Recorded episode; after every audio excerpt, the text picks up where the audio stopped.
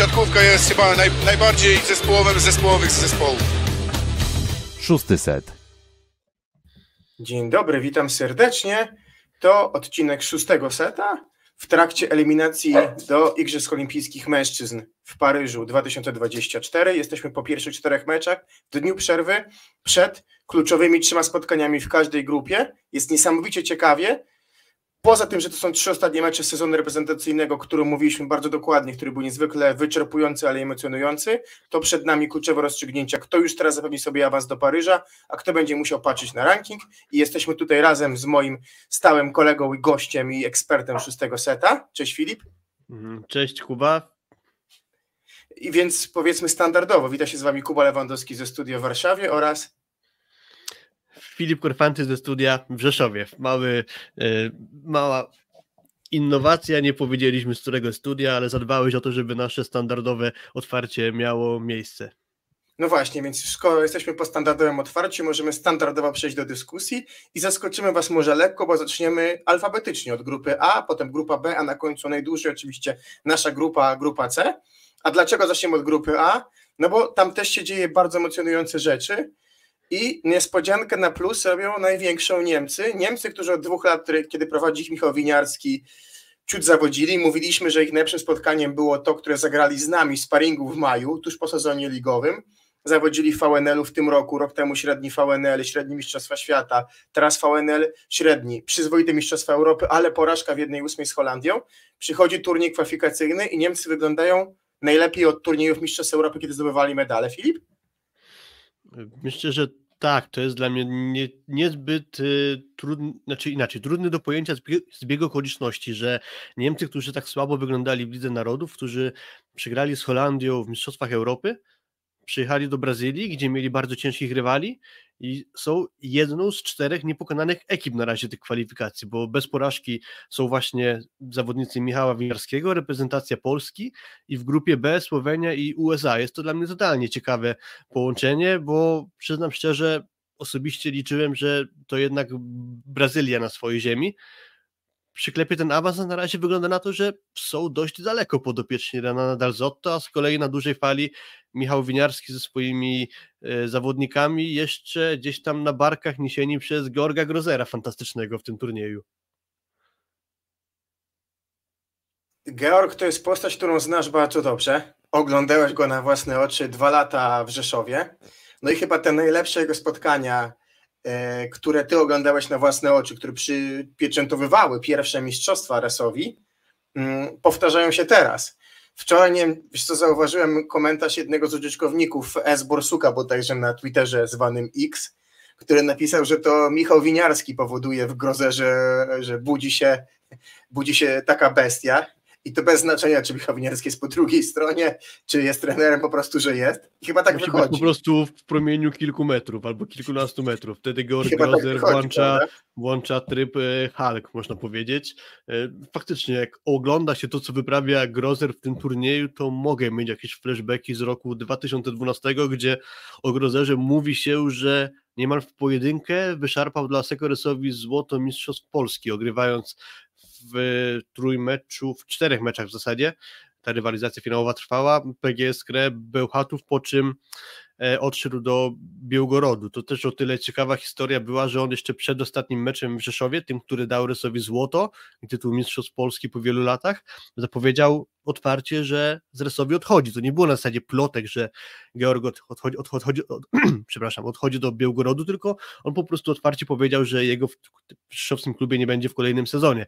Więc to jest dość nietypowa sytuacja, no ale nie było tak, że on ma już kontrakt w przyszłym roku w nowym klubie, więc jest mu wszystko obojętne, tylko po prostu zrobił mniej więcej to samo ze Skrą wtedy, co teraz robi najpierw z Iranem, później e, z Włochami, z Brazylią i kto tam jeszcze był jako czwarty? A i Kuba, tak? No, jeszcze z Kubańczykiem tak, no. Niemcy w drugim meczu tego turnieju. Tutaj tak, no Niemcom zostali Czesi, Ukraińcy i Katar, ale przytoczymy za chwilę jego liczby, ale jeszcze chciałem Cię pod jedną rzecz zapytać. Trochę tak to wygląda, że co w 16 roku zabrali e, Mateusz Mika, Michał Kubiak, Bartek Kulek Grozerowi, no bo wtedy tam w tym meczu o trzecie miejsce ważyła się kwalifikacja do turnieju em, światowego, który był w Azji, ale który był bardzo prosty dla drużyn z Europy, tak teraz Michał Winiarski oddaje i mnie osobiście też cieszy, bo trochę kwestia agingu i tego, że starsi siatkarze mają dużo trudniej, w ogóle starsi sportowcy niekoniecznie są doceniani, to Georg temu zaprzecza, 39 lat za miesiąc, a, a to jest jakby pierwsza świeżość, on, on pokazuje i wygląda tak jak świeżo, jak, jak, jak, jak y, Dawid Dulski czasie VNL-i, no to jest taki poziom świeżości, ale też nakręcenia, że, że, że to się aż pozytywnie ogląda, w sensie siatkówka jest sportem drużynowym i, i, i przepiękna jest ta synergia między zawodnikami i tym, jak jesteś mocny, jak twój najsłabszy zawodnik, a z drugiej strony jest, lubi się oglądać takie mecze, które jedna osoba wygrywa, w sensie one man show, prawda? Zwłaszcza jeśli to jest zawodnik, który można powiedzieć jest dość mało wymiarowy. To znaczy, to nie jest tak, że Grozer można powiedzieć, że jest fantastyczny we wszystkim. On jest bardzo dobry parametrach fizycznych, w sile ataku, w wyskoku. On głównie bazuje na tym.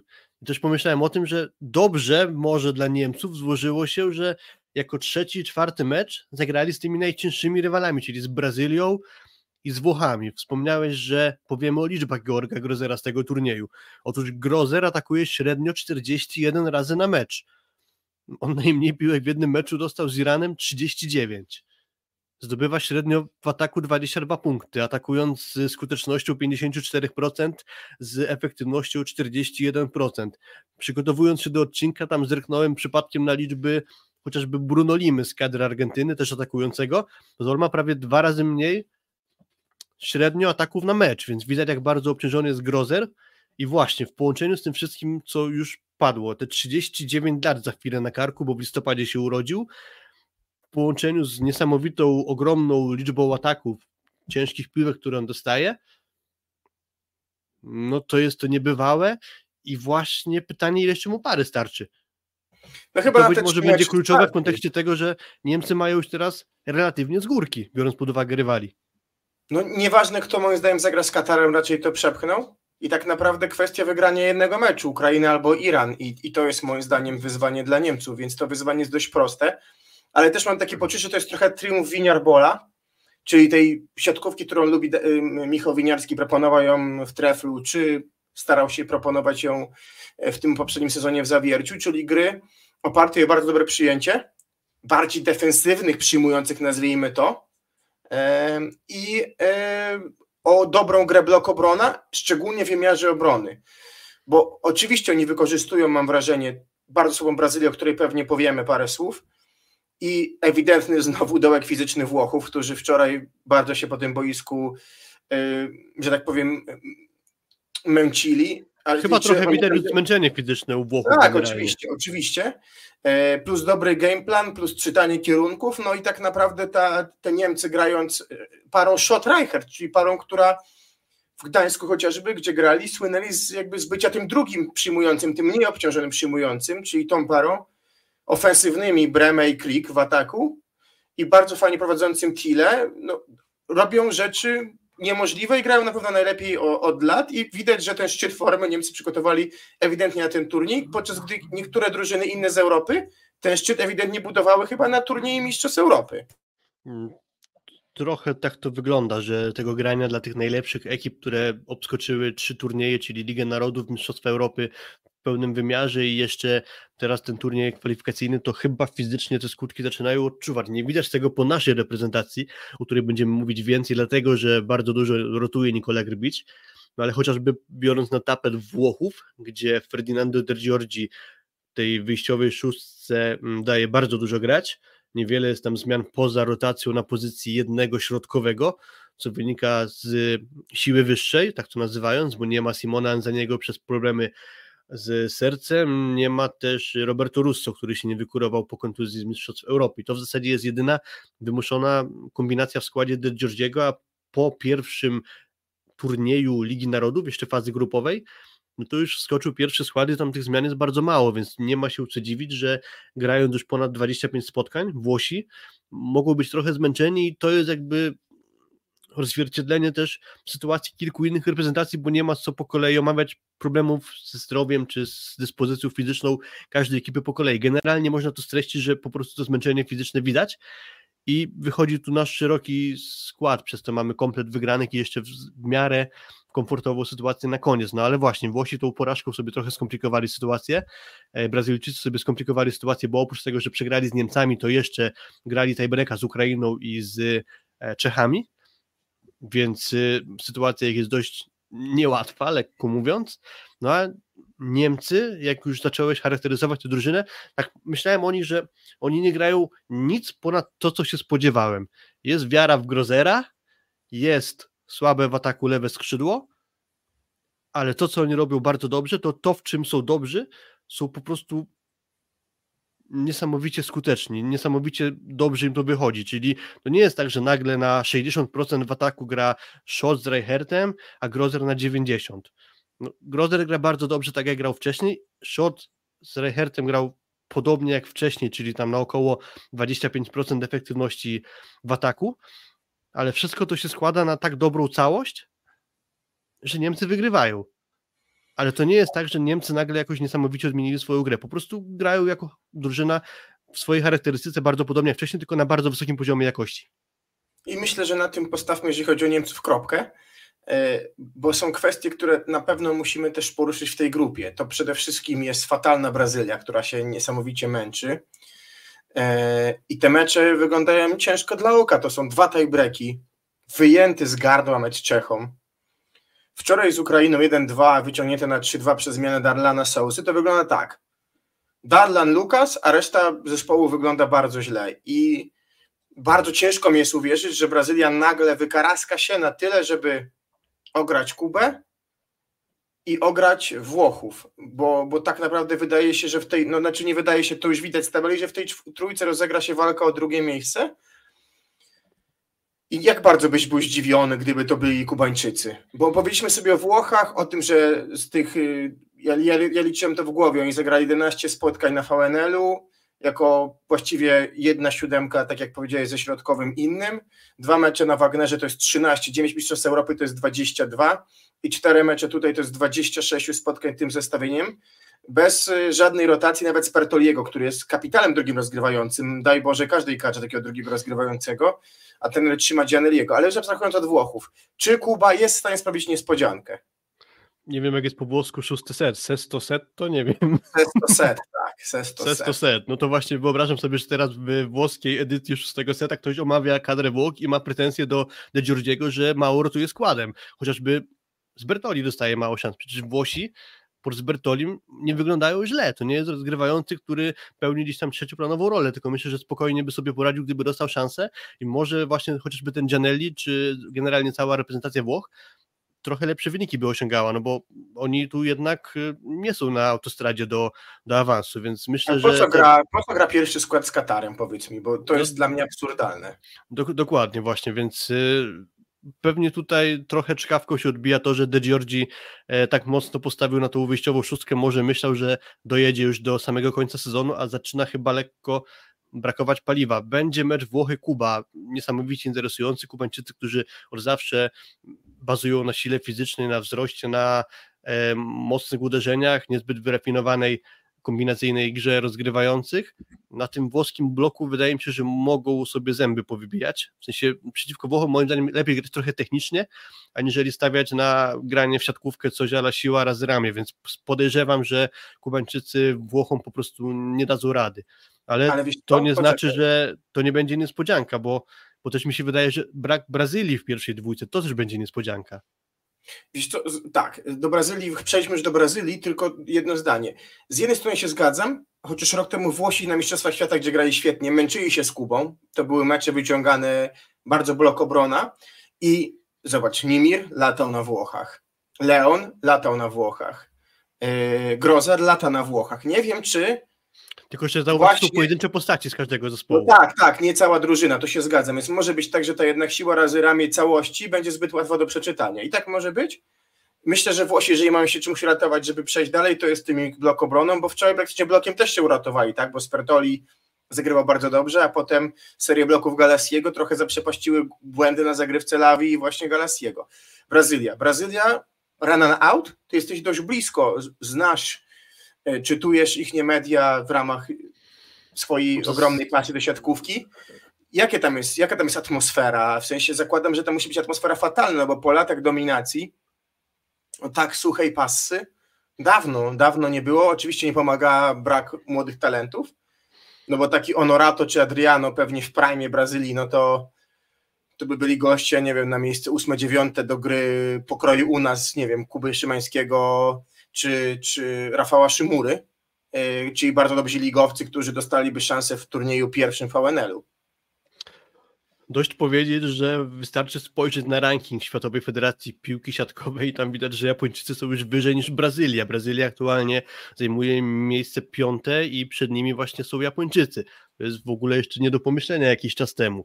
E, pytałeś mnie o nastroje w Brazylii, no tam od dawna, w zasadzie odkąd Renan objął reprezentację po Bernardo Rezende jest pewne gremium, które ma zawsze sporo do zarzucenia Renanowi i całej Federacji e, Brazylijskiej. To znaczy, że tam trochę jest kolesiostwo, nepotyzm, puszczanie zawodników do kadry po znajomości, a nie dawanie szansy tym, którzy na te szanse tak naprawdę mm, zyskują. Ale czy tak w istocie jest, nie wiem, czy tam to tak to wygląda.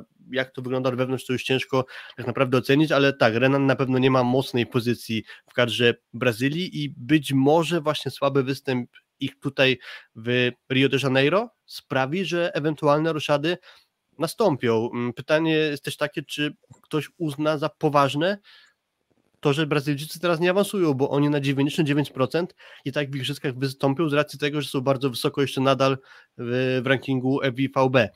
Mm. Pomijając kwestię trenera, można wziąć kogokolwiek, ale jak nie masz materiału ludzkiego, to będzie ciężko komukolwiek dużo więcej z tej Brazylii wykrzesać. Kontuzjowany jest Leal i wobec tego jest ogromny problem na pozycji przyjmującego do pary z Ricardo Lucarellim. Rotuje Renan albo w zasadzie jest zmuszony do rotacji e, między dwójką graczy, między e, Honorato a Adriano i powiem Ci z całego tego turnieju po czterech meczach Adriano ma minus 9% efektywności ataku, a mm, Honorato jest na 0% efektywności ataku. Mm, oprócz Lucarellego jest jeszcze czwarty przyjmujący Lukas Bergman, ale to jest raczej melodia przyszłości, gracz, który dobrze wygląda w rozgrywkach młodzieżowych w reprezentacji, ale do tej pory nie dostawał za wiele szans, chyba jeszcze to nie jest jego pora.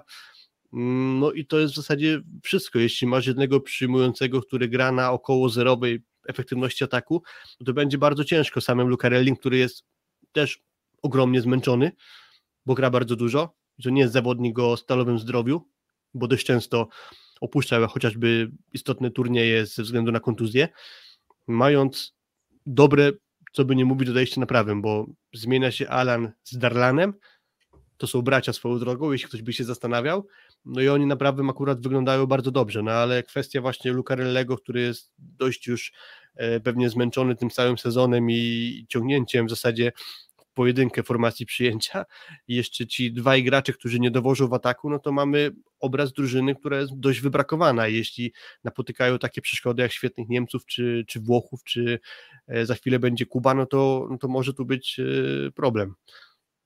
Hmm. Wiesz co, zaraz zrobimy pytanie, kto przejdzie dalej, bo chcemy przejść do kolejnej grupy więc będzie z tego short, więc będziesz liczony, kogo obstawiasz Filip, ale zanim do tego, to tylko czy odpowiesz Darkowi na pytanie, tak? Bo też wiem, że znasz osoby, które interesują się siatkówką w Iranie, dziennikarzy z Iranu. Czy faktycznie trener Iranu zrezygnował w trakcie turnieju, czy jest historią rzadką niezwykle? On z kolei tu jest od... sytuacja o tyle inna, że on był bardzo mocno broniony przez prezesa Federacji Irańskiej, czyli zdaje się, że pewnie gdyby nie właśnie prezes, gdyby nie federacja, to cała reszta już najchętniej by się właśnie z Beruzem Atajem rozstała.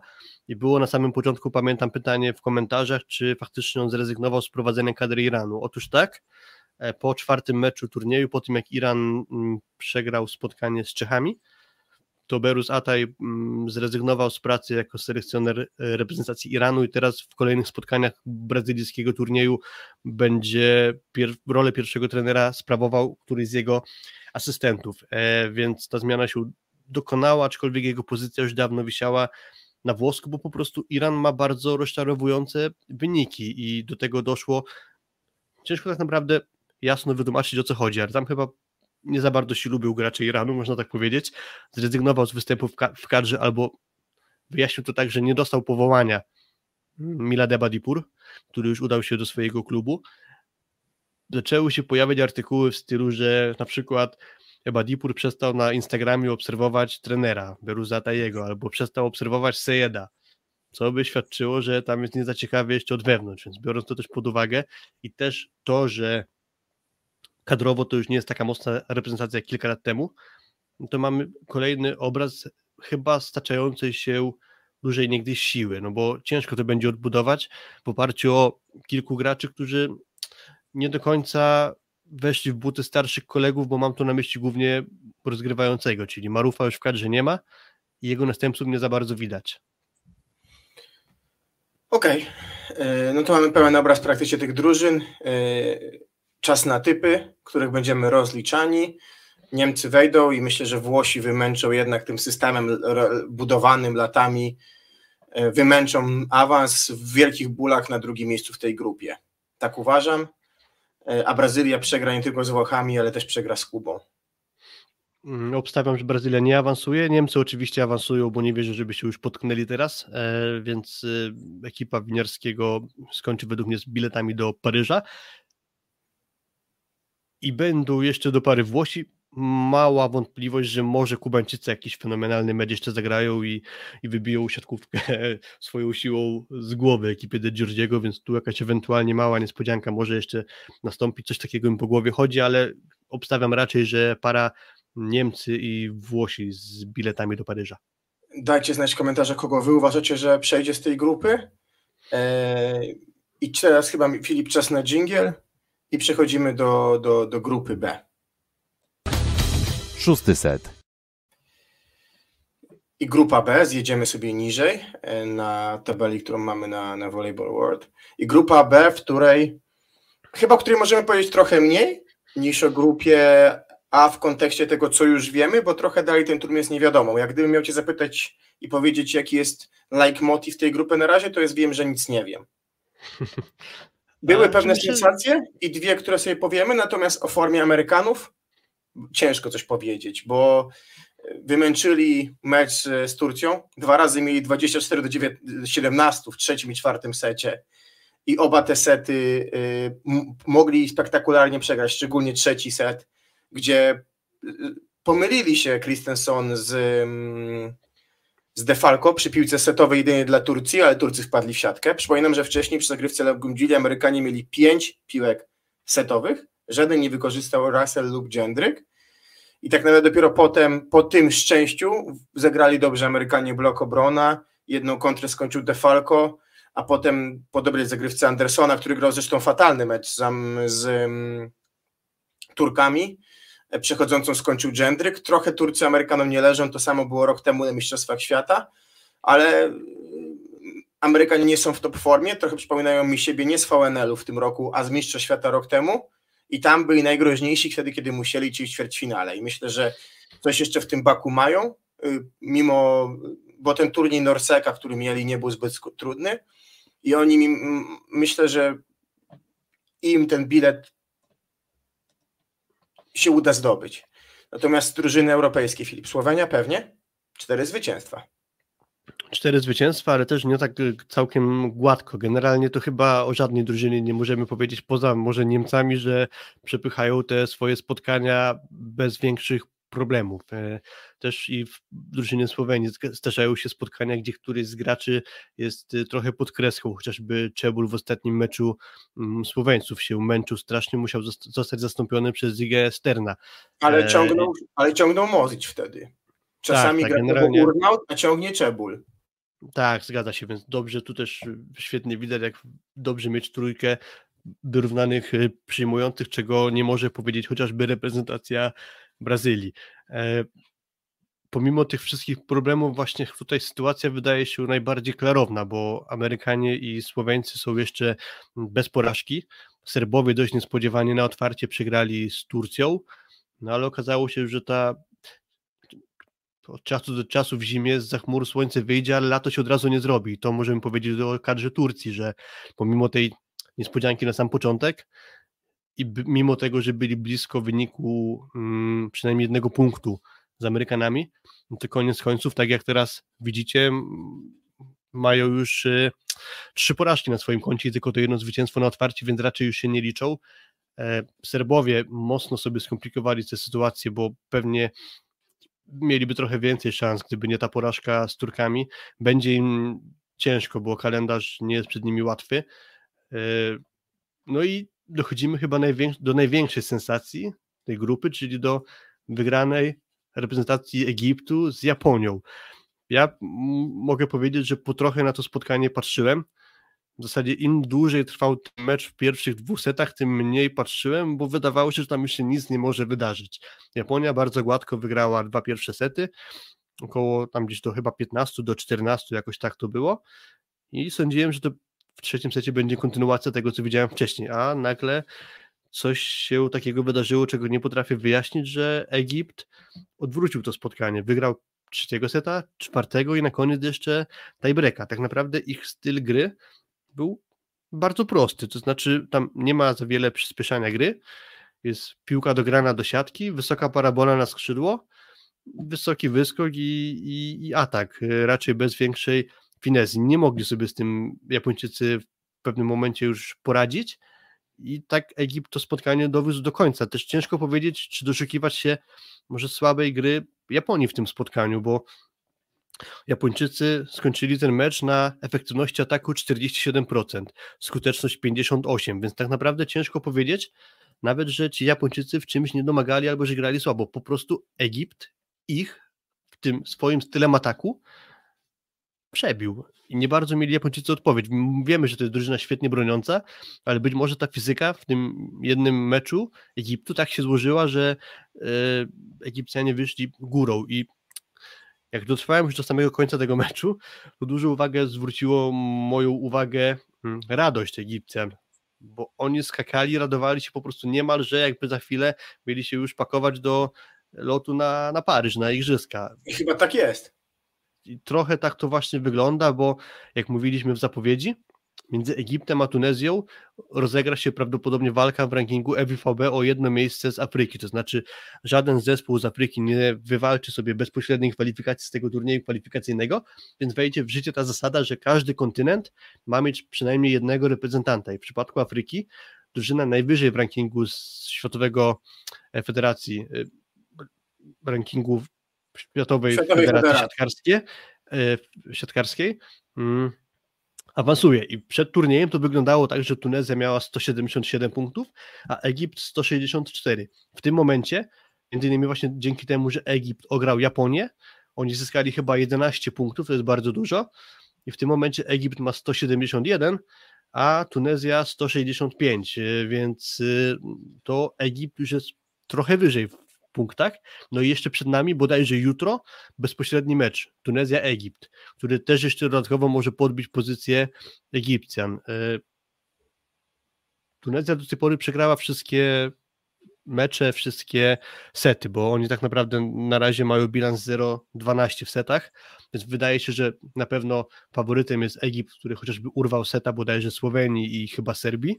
Tak jest. No i gdyby tak jeszcze wyszło, że Egipcjanie ograją Tunezję, to w zależności od wyniku 3-0, 3-1, 3-2 mogą dostać, dostać plus 8, plus 6 lub plus 4 punkty w zaokrągleniu, więc te kilkanaście punktów przewagi w rankingu, biorąc pod uwagę, że obie te kadry nie grają w Lidze Narodów za rok, no to tego grania na kontynencie afrykańskim będzie już niewiele, rywale względnie łatwi, więc bardzo, bardzo ciężko będzie Tunezji ewentualnie odrobić tę przewagę, więc zaryzykuję, że na 99% Egipcjanie zameldują się w Paryżu właśnie dzięki temu, że grali Japonię po tej breku.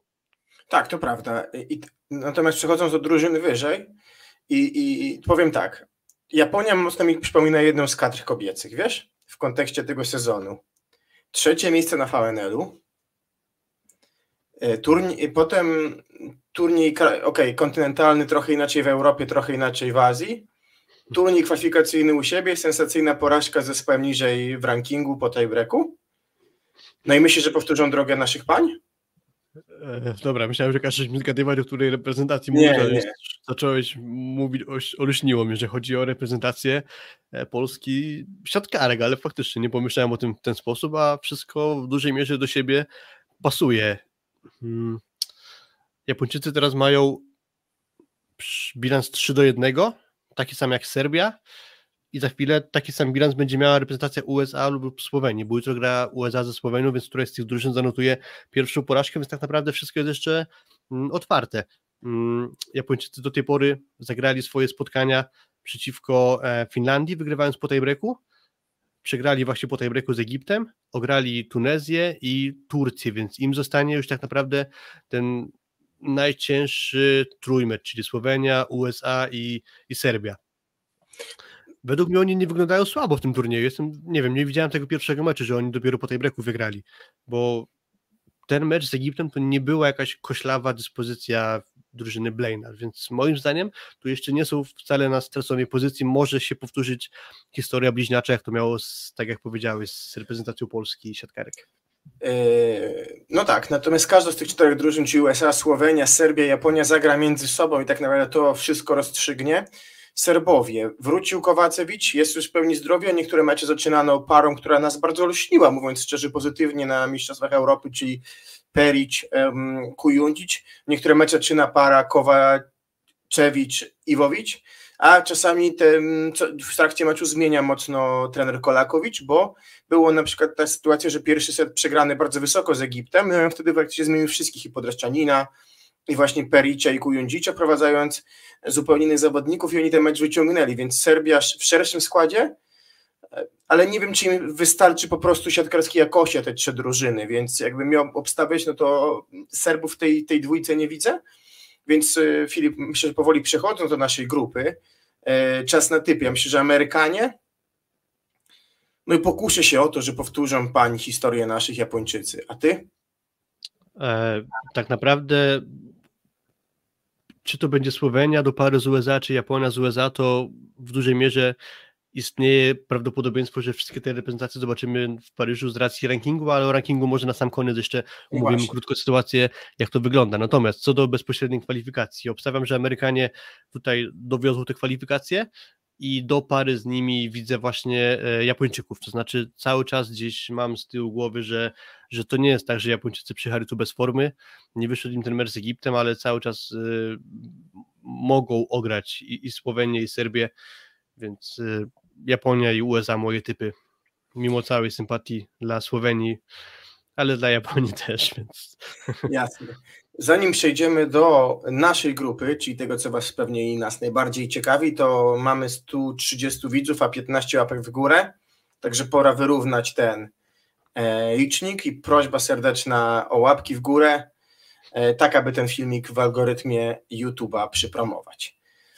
Z góry dziękujemy. Oczywiście możecie nas jeszcze wspierać na inne sposoby, na Patronite, także na YouTubie, do czego bardzo serdecznie zachęcamy, bo przed nami za chwilę już Plus Liga. I oczywiście szykujemy dla Was jak co roku e, przygotowanie do Plus Ligi, odliczanie do Plus Ligi, czy umówienie wszystkich drużyn e, klubowych, no bo dzisiaj dowiedzieliśmy się, że już cały miesiąc Super Puchar Polski, przed chwilą skończył się turniej towarzyski Kopernikus Club w, w Toruniu, który wygrał Pride Warszawa, więc coraz bliżej Plus Ligi, ale zanim Plus Liga i zanim to, co Tergryski lubią najbardziej, no to czas na trzy ostatnie mecze naszej reprezentacji w tym, jak do tej pory, idealnym sezonie kadrowym, więc pora na przejście do grupy C.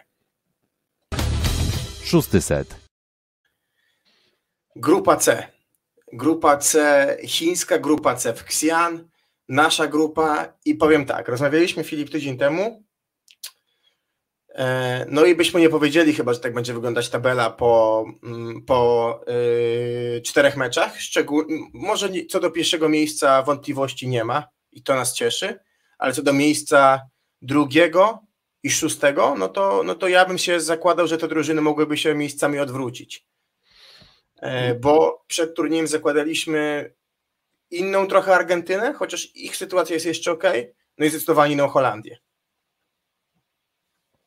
Zwłaszcza Holandia rozczarowuje, która na ten moment już ma mm, trzy porażki i, i to jest bilans, który może być im bardzo ciężko odrobić. W zasadzie już nie wierzę, żeby Holendrzy mogli to skończyć z kwalifikacją do Paryża, więc oni będą musieli rozpaczliwie walczyć o ranking i ewentualnie awans tą drogą, a sytuacja ich się bardzo ich komplikuje z racji właśnie tych porażek, bo porażka to oprócz tego, że mm, kosztuje punkty w tym turnieju, to jeszcze kosztuje dużo punktów w rankingu Światowej Federacji Siatkówki, więc y, dużym rozczarowaniem na pewno jest ekipa Piazzy, która dobrze zaprezentowała się w Mistrzostwach Europy. Mm, porażka z Kanadą na otwarcie, wygrany bez problemu mecz z Meksykiem, ale z Meksykiem wygrywa każdy. No i jeszcze porażka bez ugranego choćby seta z Belgią i tak samo z Bułgarią. Mm, Nimir gra swoje, ale trochę brakuje jakości w innych aspektach, to znaczy coś przestało się kleić w tej drużynie. Mm, dużo rotacji standardowo, jak to Piazza na pozycji przyjmującego, bo i sporo szans dostaje Pan Garderen i Jorna i Tuinstra i znowu na pozycji przyjmującego pojawił się chociażby Walter Termat, więc y, to jest chyba główny problem kadry Holandii, właśnie stabilizacja na lewym. Do tego cały czas będę powtarzał, że oni cierpią na pozycji rozgrywającego i, i to też pewnie jest y, jeden z y, aspektów, który sprawia, że tych rotacji na przyjęciu jest y, sporo, bo szuka Piazza akurat może idealnie dyspozycji dnia któregoś z zawodników, jakiegoś nagłego olśnienia w połączeniu tej pary, czy tam pozycji rozgrywający, przyjmujący. No to jest chyba przede wszystkim bolączka Holendrów. Dobrze to działało na Euro, ale być może trochę jeszcze analiz statystycznych, może jakieś wejście w schematy tej reprezentacji i to już pozwoliło ich trochę czytać. To się przełożyło na słabsze trochę wyniki, bo, bo nie można polegać tylko na Nimirze, chociaż Niemcy pokazują, że może można polegać tylko ale na... Ale działa wszystko inne, czyli ci defensywniejsi przyjmujący i działa środek, nie, czego nie można tak, tak, pół, pół żartem, pół żartem mówię, bo oczywiście Niemcy to nie tylko Georg Grozer, bo to byłoby nieprawda. To byłaby nieprawda. Sobota mecz o 10 będzie z Holandią, który może już praktycznie być dla nas bez znaczenia i na to liczymy, bo tak naprawdę czas jutro na starcie główne, starcie, które albo da nam dużo spokoju, albo ciut niepewności w kontekście innych wyników, czyli mecz nasz z Argentyną, który i tak od początku pewnie urastał do jakiegoś tam miana najważniejszego spotkania, ale ta Argentyna, która wydawała się bardzo mocna, wygrywając chociażby Mistrzostwa Ameryki Południowej, trochę po formie Brazylii widać, że to aż tak duże wyzwanie może nie było, no, nie chcę powiedzieć, że rozczarowuje, ale nie ma w tej Argentynie takiej wielkiej mocy, no bo przepchanie meczu z Belgią udało się jasne, e, ale no ta Argentyna nie wiem, nie... czy się bardzo różni od tej, którą widziałem w turnieju towarzyskim w Płocku. To znaczy, nie mam przekonania, że żaden ze skrzydłowych jest w jakiejś wybitnej formie. A na igrzyskach w Tokio jednak ta forma Limy czy zaskakująco bardzo dobry grający Palacios, to bardzo pomagało Argentynie. Tutaj wybitnej formy u, rozgrywaj, u skrzydłowych po prostu nie widzę. Tak, ja nie oglądałem od deski do deski wszystkich spotkań Argentyny, natomiast czytałem kilka komentarzy, z których by wynikało, że Argentyna po prostu gra przeciętny turniej. E, z tego, co zdążyłem też zaobserwować, to sporo rotacji na pozycji przyjmującego, bo ani nie jest tak, że Conte, który wrócił do tej kadry, zagrał świetny finał Mistrzostw Ameryki Południowej, sensacyjnie Argentyna ograła Brazylię, to ani Conte nie gra od deski do deski, ani Paloński, ani Vicentin, to znaczy rotuje mm, Marcelo Mendes tą trójką, chyba ciężki powrót po kontuzji notuje Paloński, bo oni się zastanawiano, czy on zdąży się wykurować na koniec tego sezonu reprezentacyjnego. On wrócił do kadry, jest na boisku, ale bywa, że gra po prostu słabo, jest zmieniany. Sądziłem, że ta para Paloński konto to będzie jakiś motor napędowy jeszcze do e, współpracy z Limą. Akurat Lima wygląda dobrze, tylko to jest trochę inny typ atakującego. Mówiłem przy tym o tym porównaniu z Grozerem, że Lima atakuje średnio prawie dwa razy mniej w tym turnieju, E, więc pewnie jest mu trochę łatwiej. Tego nie błyszczą jakoś znacząco ani, ani Augustin Loser, ani Nicolas y, Zerba, więc trochę bez pazura ta Argentyna. Natomiast, co by nie mówić, mają bilans tylko z jedną porażką, więc cały czas są jeszcze w grze o Tokio, więc mogą na, nawet na pierwszym czy na drugim miejscu rywalizację zakończyć. Powiedzieliśmy o, Holand o Holandii, o Argentynie, pewnie powiemy więcej o Belgii jeszcze i o Kanadzie, a zwłaszcza o Kanadzie z z tego chociażby powodu, że chyba największa niespodzianka na plus tej grupy, bo od, na otwarcie wygrali z Holandią, wygrali e, w dalszym ciągu z Argentyną, wygrali z Chinami, no i postawili nam bardzo ciężkie warunki. Może gdyby nie ta fantastyczna końcówka Kamila Semeniuka w tej breaku, to okazałoby się, że Kanada, a nie Polska jest drużyną niepokonaną, bo tam naprawdę niedużo brakowało.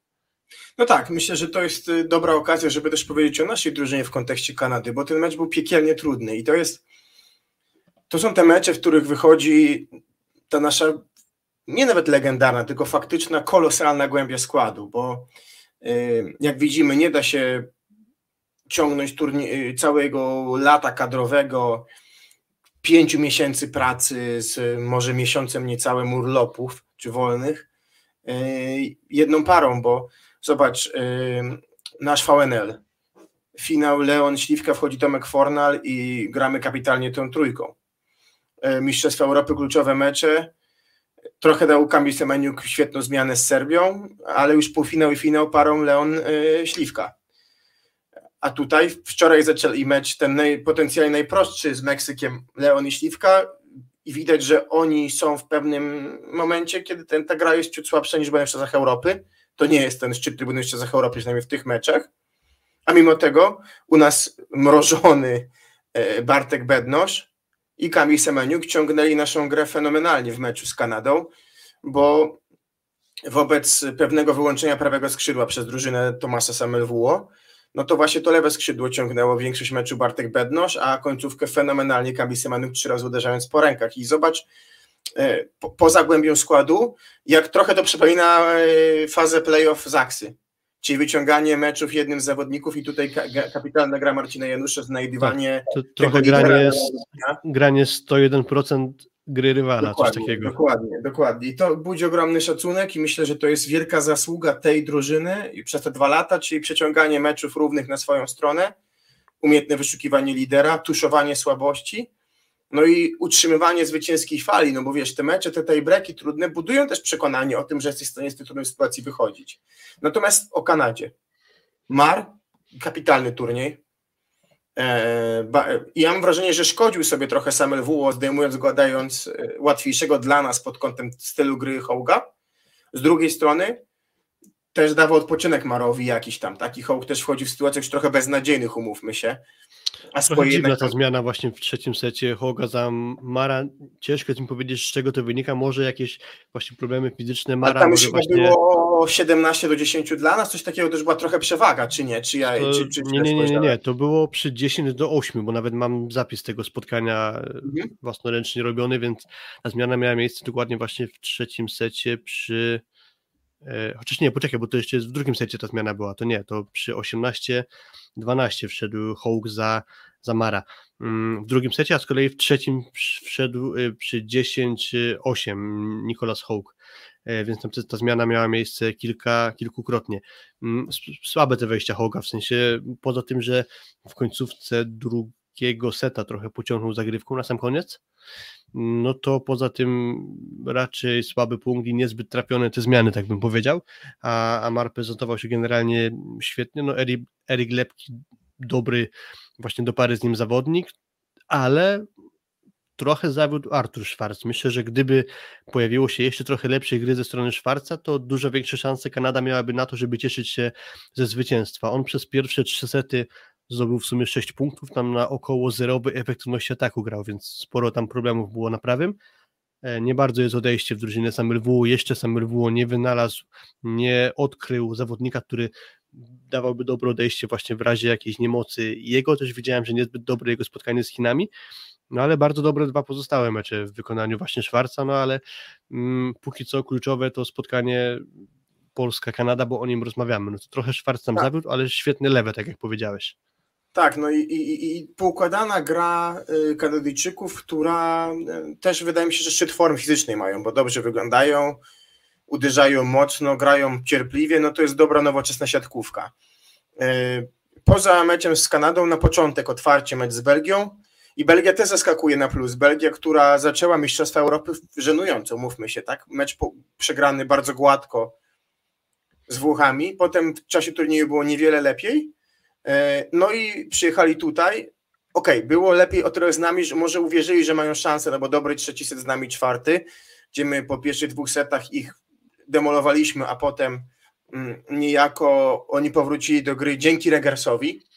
I tutaj e, Zanini ustawił drużynę w ciekawy sposób, tak? Bo Regers na prawym, na lewym Dero, który fizycznie wygląda dobrze i gra naprawdę dobry turniej, trzeba mu to oddać, i Seperotti. I um, nie wiem, czy ta balega nas zaskoczyła. Oczywiście to nie był nieudolny, pokaz nieudolności, umówmy się, podnieśmy do hashtagu. To był po prostu mecz, y, w którym nie zagraliśmy dobrze i to jest, to jest myślę, że jasna sprawa.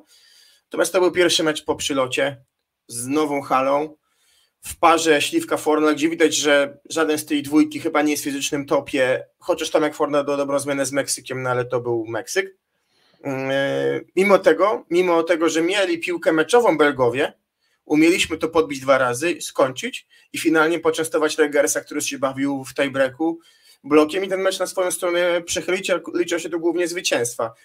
I trochę tym Belgom te dwa mecze i z nami z Argentyną uciekły, mimo tego dalej mają ten mecz z Kanadą i jakąś szansę. Jeżeli my ogramy Argentynę, no to dla Belgów szansa jest dalej, tak? Wystarczy, że ograją Kanadę, bo te porażki w tej są paradoksalnie punktowo dla nich dobre. Po prostu oni muszą do końca wszystko wygrać i liczyć na to, że my ogramy Argentynę po prostu. Tak jest, tak jak widać w tej tabeli. Pierwsze pięć ekip cały czas ma szansę skończyć z bilansem 5-2, teoretycznie. Więc tak naprawdę i Belgia, i Bułgaria jeszcze ma matematyczną szansę na awans, podobnie jak oczywiście Argentyna, Kanada i, i nasza reprezentacja. Zostając na chwilę jeszcze przy Belgii, oczywiście jest to zaskoczenie na plus, a już sensacją dla mnie było to, że w wyjściowej szóstce na mecz z Polakami i później w kolejnych spotkaniach dużą rolę odgrywał Sepperotti, czyli ten przyjmujący, który w meczu otwarcia Euro z Włochami bardzo szybko został zdjęty przez Zaniniego, bo był celowany zagrywką. I właśnie kwestia przyjęcia u niego chyba była wtedy decydująca. I on, jak został zdjęty z Włochami, to później na koniec w dalszej części Euro już chyba ani raz się nie pojawił na boisku, a jeździ to raczej na krótko. I teraz przychodzi kolejny turniej, jest teoretycznie Desmet na ławce, jest oczywiście sam Dero, a jednak za nimi wprowadza tego Sepperottiego. No i on gra bardzo dobrze. I my jakoś nie jesteśmy w stanie ściągnąć go naszą zagrywką z boiska, więc y, tutaj dobre odrodzenie tego zawodnika. E, Dero z nami średni mecz powiedzmy, ale pozostałe już dobre do tego na swoim poziomie Regers, bardzo dobre wejście do drużyny po powrocie po Euro mm, Kulmana, bardzo dużo jakości na środku, chyba nawet 5 punktowych bloku, bloków w meczu z nami. E, mówił za nimi, że główny problem u Belgów był ze środkiem, to znaczy był De Her na Euro, oprócz niego był mm, Van de Velde, który jest przesunięty z pozycji przyjmującego wtedy na turniej Euro, teraz już wrócił powiedzmy do tego kwartetu środkowych, do e, przyjmujących mm, Van de Velde. Mm, no ale przede wszystkim to ten powrót e, Kulmana tu zrobił dużą robotę. E, u Belgów jeszcze jest istotna mm, kwestia, że świetnie bronili to jest na pewno warte podkreślenia, że mieliśmy duże problemy z atakiem. Może to wynikało z tego, że mieliśmy akurat taką parę na boisku, a nie inną, żeby przełamywać dobrze zorganizowaną defensywę. I jeszcze jedna rzecz a propos, a propos Belgów. E... Hmm, poczekaj, bo zjadłem słowo, które chciałem powiedzieć. Hmm... Musisz, musisz się wtrącić, bo, bo zjadłem nie swoją myśl. Ja zadam Ci takie pytanie. Frankie Regers zagrał w tym sezonie chyba, jak Fe, liczyłem, 40... E, Ferre Regers. Przepraszam, Ferre, no ale Frankie jak de Jong, prawda? E, zagrał w tym sezonie 40, mówię o lidze i klubie chyba 44 spotkania, łącznie teraz licząc Mistrzostwa Europy i tak dalej e, i wcześniej Ligę Europejską i ma 20 prawda, lat, jeżeli dobrze pamiętam, bo 21. Ile spotkań zagrał Aleksander Śliwka w tym roku, licząc od początku poprzedniego sezonu klubowego? Nie wiem ile, ale prawie wszystkie. 75. Łukasz Kaczmarek 71. Tomasz Forna 70. Marcin Jano 73. Kapitalnie poprawiono jego dyspozycję fizyczną, już brak tych skurczy, to jest świetna sprawa sztabu medycznego i fizjo, ale to jest liczba absurdalna. Jak ja to zobaczyłem, to nie umiem się z tego cieszyć, to jest liczba nienormalna e, w kontekście i, i, i z czego mamy brać paliwo, powiedz mi, z czego? Czy dokładnie, no to przygotowanie fizyczne na ten turniej to już jest sprawa ciężka, to dla każdej reprezentacji, tylko my właśnie mamy handicap w postaci odejścia na ławce. Mamy, ale mamy z drugiej strony najbardziej obciążonych zawodników, bo nawet patrząc na Włochów, którzy akurat grają wszystko od deski, to tych meczów oni jednak zagrali ciut mniej, tak? bo mieli ciut krótszą ligę, potem tych spotkań było bodajże 25 zasadniczej, a z drugiej strony, dobra, Trentino grało pełne playoffy, to jest 15, e, 14 spotkań, to jest 39, Coppa Italia 41, 43 Super Puchar, Liga Mistrzów to jest y, pewnie w grupie 5, 6, 40, oni odpadli akurat za są 51 i teraz kadra to jest też 77 spotkań. Z czego mają ci ludzie brać paliwo? I czemu my się dziwimy teraz, że te kadry słabsze, których zawodnicy grali 25 spotkań mniej, na turniejach jeszcze daleko poza Europą, z innej strefie czasowej, przy jetlagach, a te drużyny, które pod to się przygotowały, to co my się dziwimy, że oni są w stanie tę różnicę nadrobić? No, jakby więcej wyrozumiałości w kontekście tego, co się dzieje. Dlatego, sorry, że taki apel, ale jakby okej, okay, mogliśmy, może zakładaliśmy źle przed turniejem, że wystarczą te formy tych zespołów. Może zakładaliśmy, że słabsze zespoły tego nie nadrobią. No ale nadrobiły i dlatego jest a, a, tak ciekawie, ale jest ciekawie dlatego, że ten kalendarz jest przesadzony, w sensie no jakby ilość grania w ciągu roku, fakt, że to jest siatkówka, to jest inny wysiłek, to nie jest piłka nożna, gdzie biega 17 km w meczu, czy rugby, no ale to jest za dużo. I teraz yy, przepraszam, że jeszcze w, w, wrócę do, do tych Belgów. No ci Belgowie zagrali 20 parę spotkań mniej, tak? Dero nie gra w pucharach, bo wiadomo gdzie gra, no to chłop ma z czego brać, tak? Fizycznie, mimo że nie jest najmłodszym zawodnikiem, tak?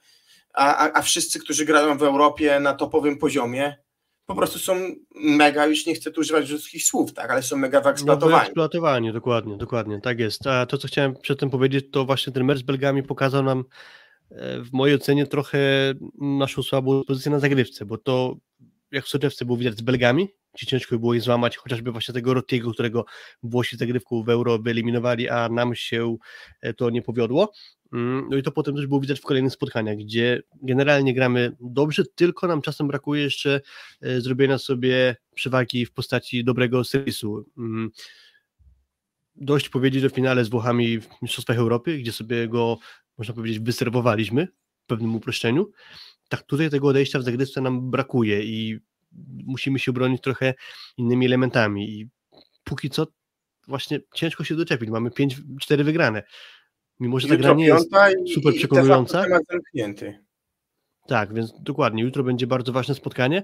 Na miniaturze naszego mm, odcinka widnieje napis kiedy awans. No i właśnie, na pewno nie jutro, bo matematyka jeszcze na to nie wskazuje, a jest bardzo możliwe, że przy dobrym układzie tych meczów naszych najbliższych zanotujemy dwa zwycięstwa i już w sobotę może się okazać, że będziemy mieli matematycznie zatwierdzony awans, to znaczy ogramy Argentynę, będziemy mieć bilans 5 do 0, ogramy Holandię, bilans 6 do 0 i wtedy ewentualnie tylko Kanada może mieć bilans 6 do 1, czyli tylko jedną porażkę, bo pozostałe drużyny będą miały co najmniej dwie porażki, więc to będzie oznaczało, że nieważne jakie wyniki zanotuje Kanada, to nam ta wygrana z Argentyną i z Holandią już da pewny awans. Kiedy gra Kanada z Belgią? Nie wiem, czy ja może szybko sprawdzę, bo też w, te, w teoretycznej sytuacji oni wtedy by mieli, ale okej, okay, my nie mamy top małych punktów. E, zaraz możemy sprawdzić, mhm. mam to nawet na ekranie. W trakcie Grupa... jak powiesz y, słowo o Bułgarii, która ma jeszcze jakieś tam szanse? Kanada z kim chciałeś wiedzieć? Z, z Belgią. Kanada w... najbliższy mecz gra z Belgią, tak jak widzisz na ekranie pewnie? Nie, nie, nie, nie. Nie, nie Kanada przepraszam, gra Kanada gra z Bułgarią, a Kanada z Belgią, z Belgią gra w sobotę, okej. Okay de facto w sobotę przy dobrym układzie może być tak, że już i Kanada i Argentyna ma dwa, dwie porażki przed naszym meczem z Holandią tak naprawdę, tak? Ale znowu te małe punkty tam jeszcze mogą wchodzić w grę, jasne. Do soboty naszego meczu pewnie się nie zakwalifikujemy. Dwa słowa o Bułgarii, bo jeszcze myślę, że chcemy trochę powiedzieć o naszej kadrze, jednak bo zasługuje na, myślę, że ciut dłuższe omówienie. Nadzieją to są chyba synowie Nikołowa jakby pewnie mogą kibice siatkówki żałować, to będzie trochę humorystyczne, ale też jest takim podcastem, że ta jurność Władimira Nikołowa nie była większa, no bo ci te chłopaki to są no, szalenie utalentowane. No, jakiś tam szacunek zbudziło wejście Nikołowa z nami, no bo As, potem yy, stary tyk rozgrywającego przez 16-latka zrobiony, tak, przy tej przechodzącej piłce, ale dotknął yy, siatki koszulką, bo po prostu tak bardzo odstaje. Potem znowu as na Holandii. No, ta przyszłość, nie wiem czy pod plamenem Konstantinowem, ale dla bułgarskiej siatkówki jest naprawdę dobra. I trochę to samo jest z Iranem, pewnie w kontekście tego, że może to pokolenie już nic nie da, bo gdzieś jest taki gap pokoleniowy, ale ta przyszłość jest niezła, prawda? No tam pozycję rozgrywającego zwłaszcza, bo fantastycznie ten Simeon Nikołow się prezentuje, to jest 18-latek, który jest bardzo wysoki, bo to też jest istotne, że, że jego warunki fizyczne będą robiły mm, tutaj na pewno dużo dobrego dla kadry Bułgarii, trochę może przypominać chociażby swoją fizycznością Simone Gianellego młodego, tak by można go określić, do tego jest ten Aleksander Nikołow, czyli jego, jego brat, no ale czy aż tylu młodych graczy tam jest do wprowadzenia, to już mam wątpliwości, bo e, chyba tylko dwóch. E, więc znaczy, co do tego nie mam pewności, ale wydaje mi się, że tylko dwóch i pewnie żałują, że może nie ma trochę więcej potomstwa Władimir Nikołow. Natomiast jeszcze co do bułgarskiej młodzieży, no Denis Karjagin, mimo że trafił do Zaksy, to nie skończyła się ta jego przygoda dobrze i jego dalsza kontynuacja kariery chyba nie wróży na razie, żeby to miał być gracz na jakimś niesamowitym poziomie, więc trochę może tego odejścia brakować. Cwetan Sokołow zapowiedział przed tym turniejem kwalifikacyjnym, że jeśli Bułgaria nie awansuje, to nastąpi jego pożegnanie z reprezentacją i szczerze mówiąc trochę nie widzę tam odejścia. Może Parapunow będzie w stanie wejść w jego buta, ale myślę, że to jest melodia bardzo odległej przyszłości jeszcze, bo nieźle się zapowiadał, ale na razie jeszcze jakiejś stabilizacji na wysokim poziomie nie obserwujemy, więc jest sens Sokołowi długo, długo nic.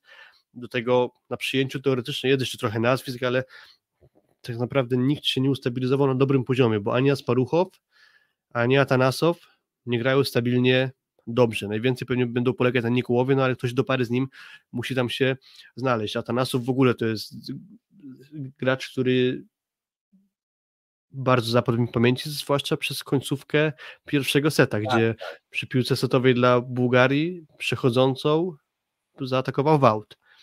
I jeszcze dziś za chwilę chyba został zablokowany, co tak. zatwierdziło nasze zwycięstwo, więc widziałem, że z nami mu się nie powiodło, ale w tych innych spotkaniach też nie błyszczał. E, paradoksalnie Bułgaria... za mniej po prostu krótszy mecz, tak, co myślę, że też jest dla nich niezwykle cenne.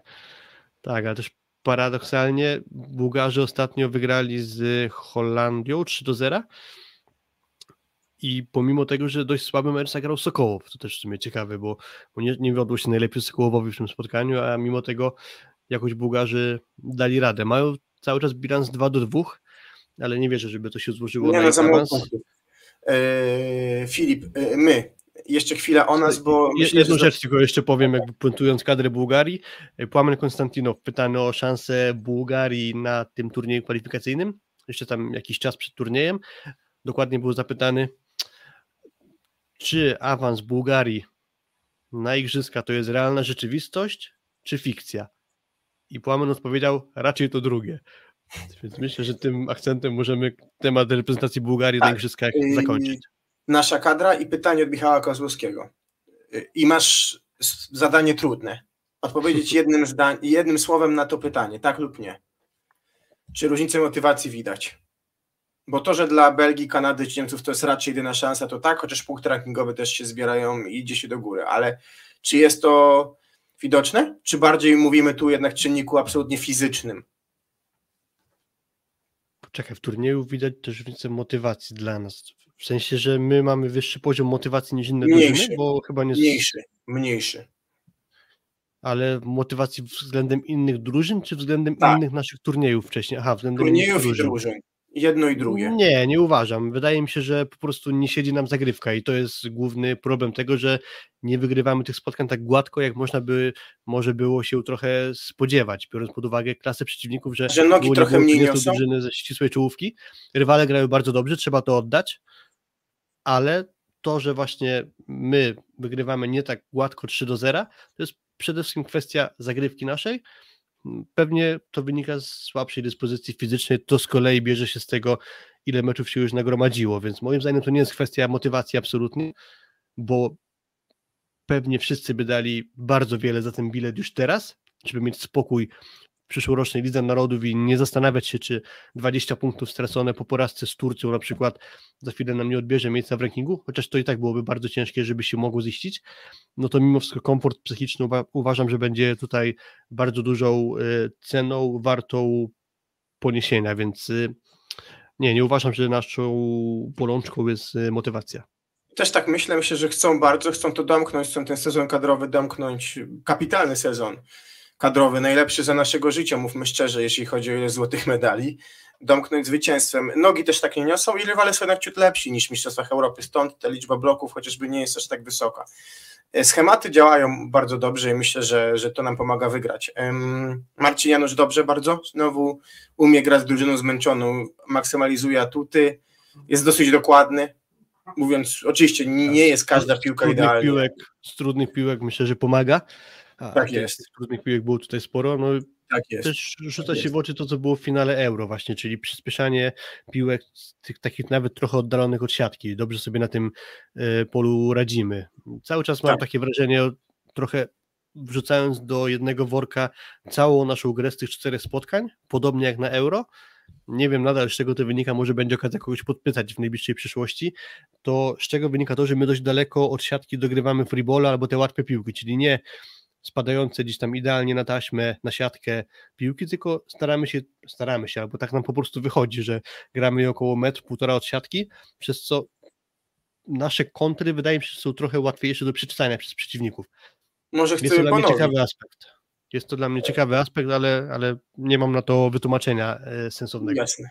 To myślę, że podpytamy kogoś ze sztabu, jak będzie taka sposobność.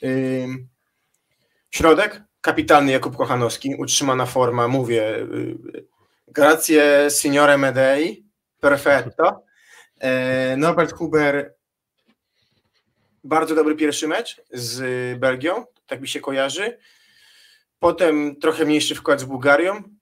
Z Kanadą dobrze, bardzo dobrze wręcz. Jeżeli, tak, mi się wydaje, przepraszam, to z, z Belgią świetnie Kuba Kochanowski Norbert y, mniej, odwrotnie z, z, z, Kanadą, w sensie Norbert też pomógł blokiem, a Kuba kapitalnie w ataku, więc generalnie na środek utrzymuje mimo grania trójką, a de facto większość spotkań jednak dwójką Norbert y, Kuba. Wygląda świetnie, swoje uzupełnia Karol Kłos, y, więc tu środek naprawdę nam trzyma bardzo dużą jakość. Łukasz Kaczmarek, kapitalne dwa mecze, Belgia trzyma nas przy życiu tak naprawdę przez cały mecz, kapitalne jego spotkanie Myślę, że nie ma dyskusji o jego roli w kadrze, jeżeli chodzi o bytu w kadrze. Będą dyskusje odnośnie jego pozycji, jeżeli chodzi o boisko lub y, bycie pierwszym po prostu, tak? Bo myślę, że temat jego obecności w kadrze został zamknięty w tym sezonie i ten turniej też to potwierdza. Z Kanadą trudniej, bo trener SMLW plus myślę, że paliwa mało i czytali Kanadyjczycy dobrze i to widział Marcin Janusz od początku, że ten wkład Łukasza po prostu w tym mecz będzie mniejszy. Yy, warto połączyć środkowych, no to warto też powiedzieć, bo to nie są często spotykane liczby w ataku. Mm, Norbert Huber 72% efektywności, Kuba Kochanowski 81%. Nawet jak na środkowych to są fenomenalne liczby i, to jest duża też y, zasługa właśnie ich, że my te spotkania, poza tym, że nie do końca mamy atut w postaci zagrywki takiej bezpośredniej, no to właśnie ten atak środkiem to jest nasze duże odejście. Przy tych piłkach, które częściej zostają w grze, ponawiamy ataki, akcje są przedłużane, no to właśnie odejście do środka to jest rzecz tutaj bezcenna i w tym jesteśmy bardzo pewni. Mm, trochę tak jak w całej drużynie, brakuje mi lepszej zagrywki, widać to chociażby po liczbie błędów Norberta Hubera, czy też liczbie jego asów serwisowych, gdzie do tej pory w czterech spotkaniach ma jednego asa, Kuba Kochanowski ma trzy asy, więc to nie są jakieś imponujące e, liczby, no ale atak fantastyczny. I właśnie doszło do postaci Bartłomieja Bołądzia. Trochę nie do końca pewne odejście ma Nikola Grbić, przynajmniej tak to na razie wygląda. Dobry mecz z Meksykiem, ale to jest rywal najsłabszy w grupie, a jego wejście na podwójną zmianę dawały niewiele dobrego. I też takie wnioski może wyciągnął Nikola Grbić, że spróbuje Aleksandra Śliwkę na ataku. Tak było w meczu z Kanadą, gdy trochę nie szło Łukaszowi Kaszmarkowi, bo pozostałe mecze bardzo dobre. Mm, ciężko się też dziwić, że Bartłomiej Bołoń może nie jest naszym koniem pociągowym wchodząc z ławki, trochę awaryjnie za Bartosza Kurka, bo on szedł innym cyklem przygotowań, to znaczy on nie był w tej kadrze od A do Z, nie przepracował z nią pełnego cyklu przygotowań, I też wracając do klubu, do projektu Warszawa, być może został poczęstowany trochę inną dawką obciążeń, przez to i fizycznie może jest trochę gorzej przygotowany, więc w pewnym sensie jest to usprawiedliwienie. Natomiast oceniając już wartość taką typowo boiskową, to na razie te wejścia raczej powiedziałbym, ale, że na minus. Tak, ale, bo zawsze jest ale, yy, bardzo ważna zagrywka yy, w tej breku, yy, która dała nam piłkę przechodzącą z, z Kanadą i wtedy widać było, jak bardzo Marcin Janusz go jakby pobiegł do niego się cieszy, bo widać, że też on czuje to obciążenie, no bo wiemy jak Łukasz y, Kaczmarek jest obciążony i zmęczony i, widać, i są momenty, kiedy dostaje szansę Bartek Bołądź i to na razie wychodziło różnie, więc widać ile ta zagrywka dała, no bo jednak dała nam breaka, który finalnie nam, nam pomógł zwyciężyć fakt, że potem graliśmy na przewagi, no ale to był kolejny jakby punkt na naszą korzyść i, i, i myślę, że przyda się jeszcze na podwójnej zmianie e, e, Bartek Bołądź. No i libero Paweł Zatorski trzyma przyjęcie, świetnie z Kanadą w końcówce i to bardzo za to się kłaniam, bo te zagrywki były trudne, były dogrywane w punkt na tyle, że pozwalały grać kombinacyjnie Marcinowi i niejako gubić blok, tak że Kamil Semeniuk mógł kończyć. To były naprawdę trudne piłki w strefy konfliktu. Do tego obrona przy, przy meczowej dla nas. Pa, Kuba Powieszczak daje solidne zmiany z Bułgarią czy, czy z Meksykiem, więc tutaj myślę, że nie ma co się przyczepić i kwestia przyjmujących, no mówię, ta głębia, która powoduje, że Bartek Bednosz, który jest w bardzo dobrej formie, jak on do ataku wchodzi, jak wybija po rękach, bardzo często trudne piłki na podwójnym, potrójnym bloku, on trzyma, mimo że ta jego efektywność na końcu bardziej zbliżej 30 paru procent niż 40, to on gra na bardzo trudnych, trudne warunki pracy ma bardzo, bo dużo tych piłek jest piłkami trudnymi, to on jednak w tej parze z Kamilem Semeniukiem gra dalej od rozgrywającego, co, co powoduje, że tych piłek dostaje więcej e, trudnych po prostu szczególnie w tym ustawieniu, kiedy atakujący jest z drugiej linii. Pełna zgoda. Tutaj też pojawił się temat na czacie, widzę, bo czytamy, że e, trochę emocji wzbudza kwestia kapitana. Fajnie na ten temat wypowiedział się Aleksander Śliwka. Kuba, ty to tak e, podrzuciłeś na nasz prywatny czat, więc e, może przytoczysz. Kapitanem jest dalej Bartosz Kurek. E, on tylko pełni jego rolę i jest po to, żeby wylosować przed meczem i dorysowali mu pod e, numerem e, ten słupek, tą tabliczkę, która powoduje, że jest kapitanem, więc myślę, że ta drużyna mm, dalej funkcjonuje w tym samym schemacie, jeżeli chodzi o, o działanie, jak, jak, jak w całym sezonie. A kto w tym meczu z, z Meksykiem był kapitanem? Wiecie, to zawsze jak kapitana nie ma na boisku, to w ramach przepisów sędzia prosi kogoś o wskazanie, kto jest kapitanem z tych, którzy w tym momencie są na boisku. Ja powiem szczerze, nie zwróciłem na to uwagi w meczu z Meksykiem, czy w meczach z... A kto był kapitanem wtedy? Kochanowski? Nie, nie wiem, nie wiesz co, bo jakby w meczach, gdzie nie grał Aleksander, a grał Marcin Janusz, to Marcin Janusz był tym, który na boisku pełnił funkcję kapitana, bo on rozmawiał z sędziami, więc tak domniemuję, że on był wskazany przez sztab.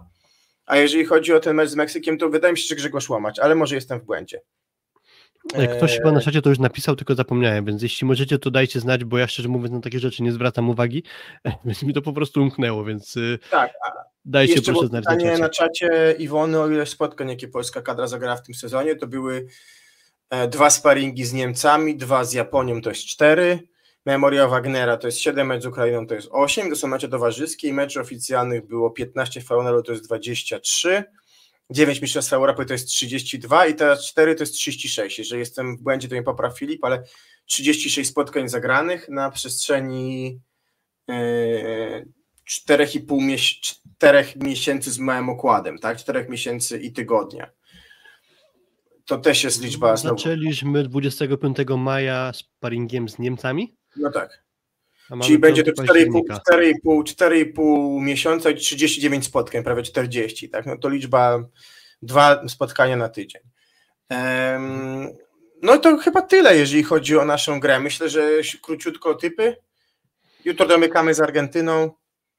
Na pewno wygramy z Chinami i tu mam nadzieję, że wyjdziemy z, z Chinami składem podobnym jak na Meksyk, żeby chłopacy sobie odpoczęli. Po prostu już pewnie też będą myślami przy powrocie do Polski, znowu krótkiej przerwie przed Plus Ligą.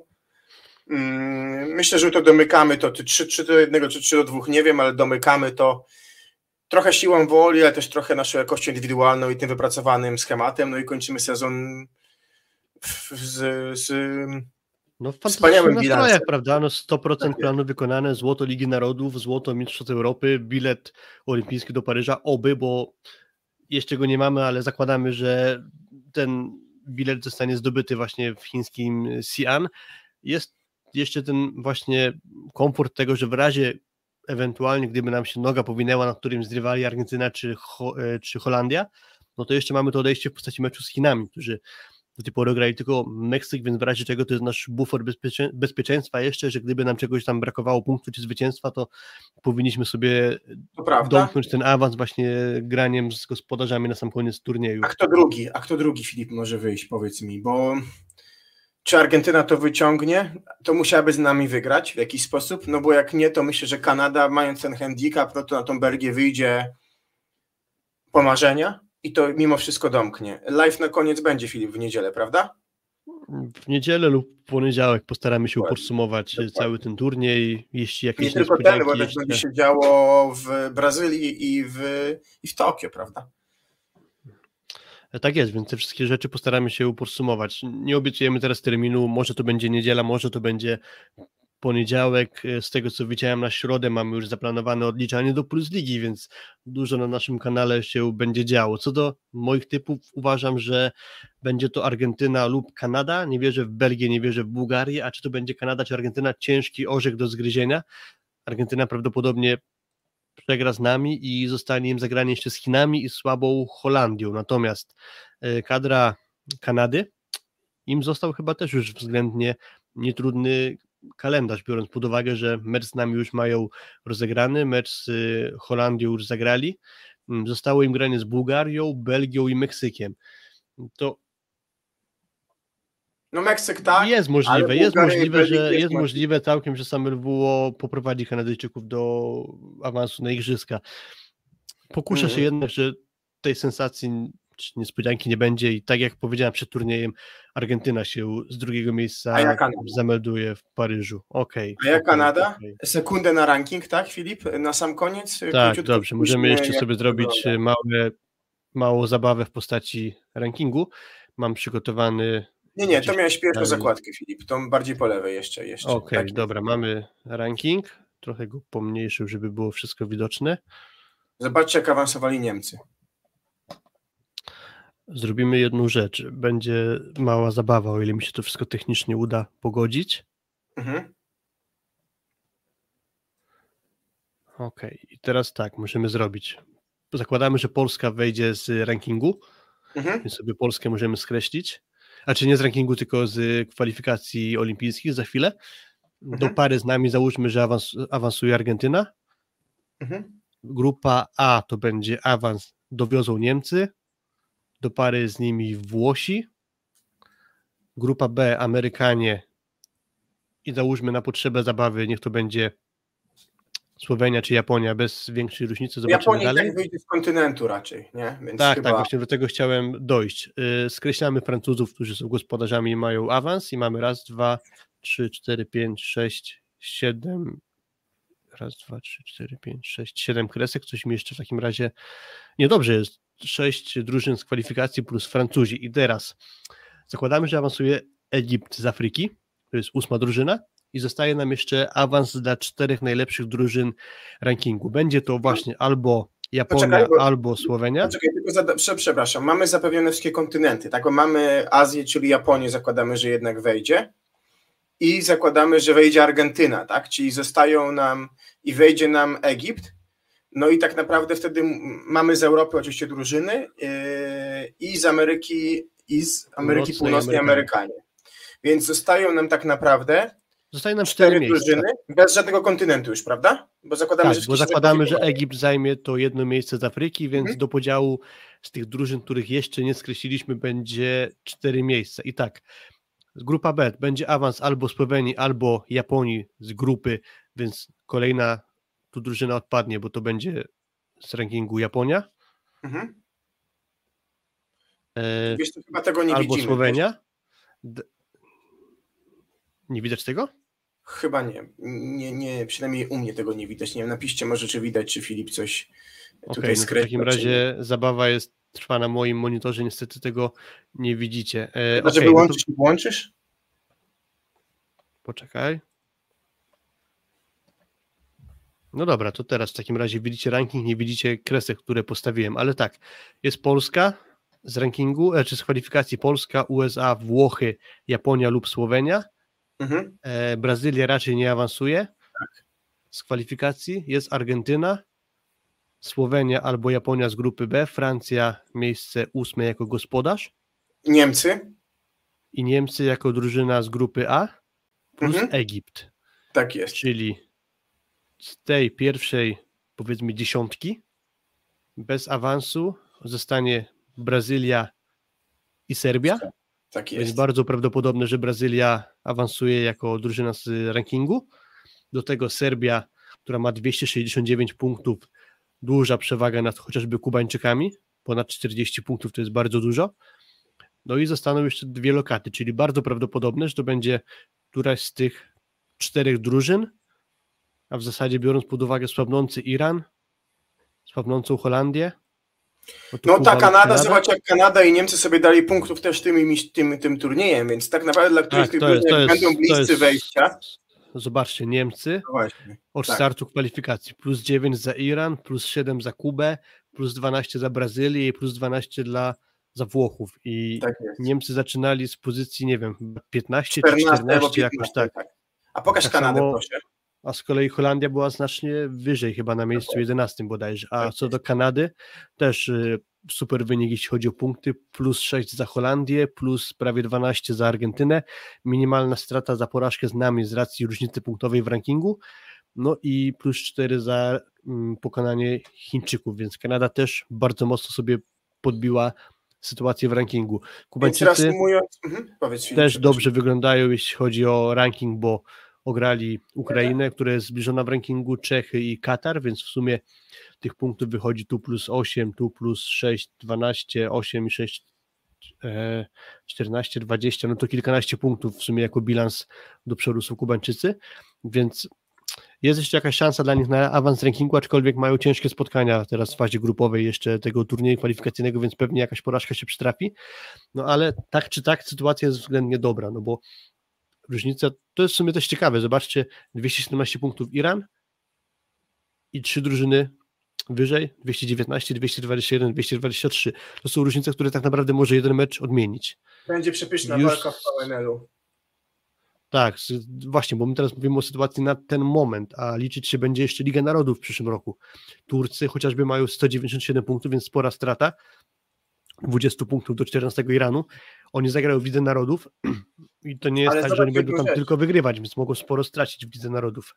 I mogą też przy, ale też kadry topowe, które zakwalifikują się, mogą wysłać rezerwy, więc omówimy sobie, myślę, bardzo dokładnie ranking po zakończonym turnieju. No i chyba pora na zakończenie naszego live'a.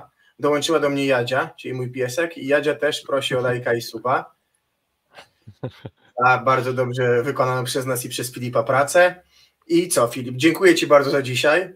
Jest emocjonujące na koniec sezonu kadrowego. Pewnie my też troszeczkę zmęczeni ilością grania, ale dla nas to przyjemność, dla zawodników y, też przyjemność, ale też i wysiłek fizyczny. Liczymy na trzy emocjonujące dni. Bardzo fajnie, że będą dwa dni weekendowe, bo też to pozwoli pewnie nam obejrzeć mecze w różnych porach. Niekoniecznie to będzie kolidowało z naszą i waszą pracą zawodową. Także udanych spotkań, obyśmy już w sobotę mogli rano cieszyć się z awansu i e, jesteśmy w kontakcie przed w związku z podsumowaniem e, turniejów kwalifikacyjnych, krótkim też wtedy omówieniem sobie terminarza i kalendarza i e, rankingu, bo wtedy to będzie naprawdę ciekawa zabawa, już będziemy wiedzieć kto o co walczy, a potem już będziemy odliczać do ligi i będziemy Was zapraszać na mówienie wszystkich 16 drużyn plus ligi, więc przed nami pracowity październik, wtedy akurat kiedy zawodnicy będą mieli odpoczynek, to my będziemy bardzo zapracowani przygotowywaniem dla Was omówień drużyn plus ligi, więc przed nami pracowity październik, mamy nadzieję, że jak najczęściej z Wami, ze wszystkimi, którzy byliście dzisiaj, dziękujemy za to, prosimy jeszcze raz o lajka pod filmem i oczywiście dla tych, którzy nas nie subskrybują o suba, a tych, którzy chcieliby dzwoneczki, ewentualnie kilka wolnych złotych wsparcia na Dokładnie. Tak. Patronite lub na YouTubie. E, z chęcią przygarniemy, wykorzystamy dobrze, więc y, Tobie też Kuba dziękuję za Dzięki dzisiejszą bardzo. rozmowę. E, Dzięki drodzy widzowie, trzymajcie się, usłyszymy się prawdopodobnie w niedzielę lub w poniedziałek, oby w super nastrojach po tym jak nasza reprezentacja będzie już miała mm, zapewniony awans do kwalifikacji, do mm, Igrzysk Olimpijskich w Paryżu. Oby tak było. Trzymajcie się. Dzięki, Dzięki za bardzo, dzisiaj. Cześć.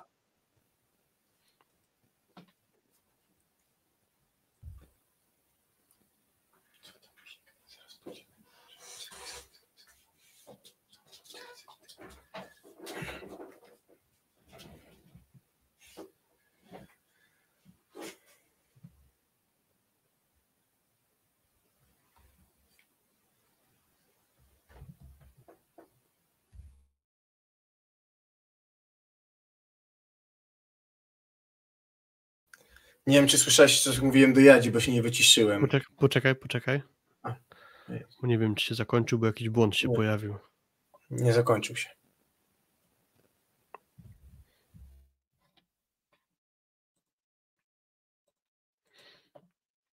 Nie możemy się dzisiaj z wami rozstać.